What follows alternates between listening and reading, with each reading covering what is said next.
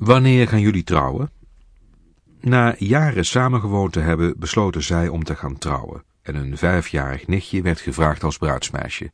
Samen met haar moeder en de toekomstige bruid ging ze enige tijd later naar de grote stad om kleren te gaan kopen. Het is tegenwoordig niet echt een schande meer, maar iedereen keek toch raar op toen het bruidsmeisje plotseling zei, mijn tante moet gaan trouwen met mijn oom. Dat het bij het woordje moet niet om een zwangere bruid ging, werd duidelijk toen ze vervolgde met, want als zij niet gaan trouwen, mag ik geen bruidsmeisje zijn. Na een dag winkel in, winkel uit, jurkje aan, jurkje uit, hadden ze eindelijk iets gevonden compleet met handschoenen en hoedje. Op de dag van de trouwerij kwam de bruidegom eerst met een grote glimmende en met bloemen versierde auto het bruidsmeisje ophalen.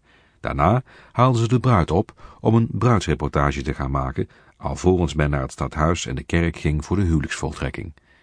De hele dag stond niet alleen het bruidspaar, maar zeker ook het bruidsmeisje in het middelpunt van de belangstelling, en dat beviel haar zichtbaar goed.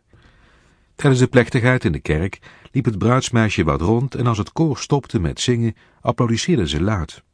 Ze kreeg de lachers op haar hand toen ze midden in een preek de pastoor even aan zijn mouw trok. Meneer, ik moet plassen, maar ik weet niet waar het toilet is. Wat ze zich precies had voorgesteld bij het trouwen weet ik niet, maar op een bepaalde manier was het haar toch allemaal wat tegengevallen. Waarschijnlijk had ze meer vuurwerk, lawaai en spektakel verwacht. Want bij het verlaten van de kerk hoorde ik namelijk dat ze aan het kersverse bruidspaar vroeg. En, wanneer gaan jullie nou eigenlijk trouwen?